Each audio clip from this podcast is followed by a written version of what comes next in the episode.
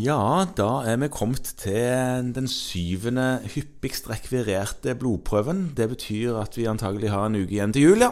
Ja. Det stemmer.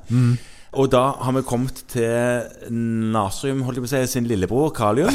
Eh, de, de tas ikke alltid så, iallfall nesten alltid sammen, natrium og kalium. Ja, altså På den ene analysen vi så, så ser det altså Og, og kalium ligger over natrium. Og nå bare postulerer jeg noe ut fra helt fri fantasi. Ja. Og det er, at, det er fordi at kalium blir kontrollmålt litt oftere enn natrium. Ja, det er- stemmer nok.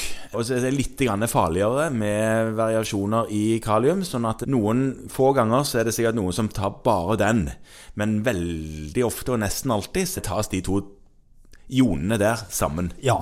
Og kalium finnes det lite av i, utenfor cellene. Der er alt sammen trykka inn i cellen. Ja, for alle celler har noe som heter natrium-kalium-pumpe. Som høres rart ut, men det er akkurat det det er. Den hiver natrium ut og kalium inn i cellen. Ikke sant? Ja. ja. Og kalium er litt sånn som, som det du kalte for storebroren. Den skal måles Det er vel omvendt, egentlig, siden kalium har flere målinger enn natrium. Men det kan man diskutere. Hvem som er storebror. Ja, ja det er sant nok. Ja. Men eh, den måles ved mistanke om forstyrrelse i saltbalansen.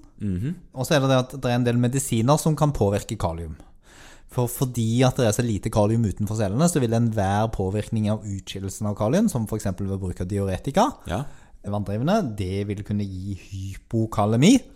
Eh, Og så er det også noen medisiner som holder tilbake kalium, og Ja. som kan gi hyperkalemi. Og da har du lite å gå på i dette referanseområdet ditt, som er sånn mellom 3,5 og 4,5 cirka. ja 3,5-4,5. Ja. Når du sier hypo, så er det lavt, og hyper er mye. Ja. Ja.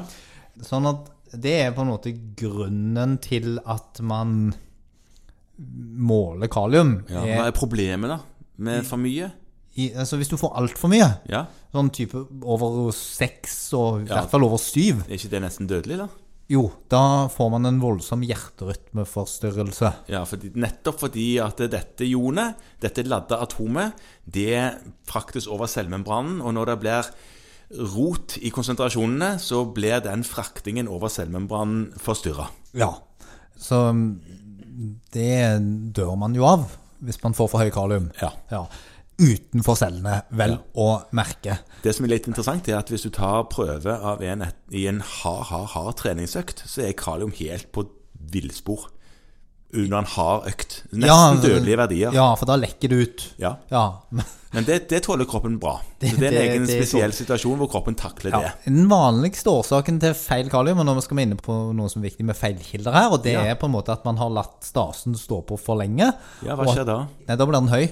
Ja, hvorfor det? Ja, fordi at da får man muskelskade, og da renner det ut, eller celleskade. Ja, så Celler sprekker, og alt kalium inni der lekker ut i blod. Ja, og så hvis man får hemolyse, altså at de røde blodcellene sprekker oppi prøveglasset, så, så får man også altfor høy kalium, og da, da merker jo laboratoriet nå det med å si at her er det hemolyse, og kalium kan ikke måles. Mm.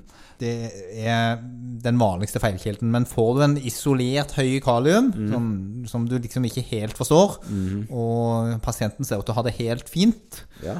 så går det an å spørre hvordan var det noe spesielt med den prøven. Og hvis det da viser seg at man har stukket 80 ganger og bomma og bytta arm og Ja, holdt på, så kan det være derfor den kaliumen er litt høy, og da, da bør man gjenta prosedyren. Altså ikke stikke 80 ganger og ha på stasen kjempelegge, men Nei. prøve å få tatt en prøve på en litt mer smidig måte. ja. Ellers så tror jeg det er liksom begrenset av hva man skal si om kalium. Den er, det er en prøve som skal tas ofte. Kanskje ikke fordi den så ofte er feil, men fordi det er så farlig hvis det først er feil. ja. Så kontroller det kanskje.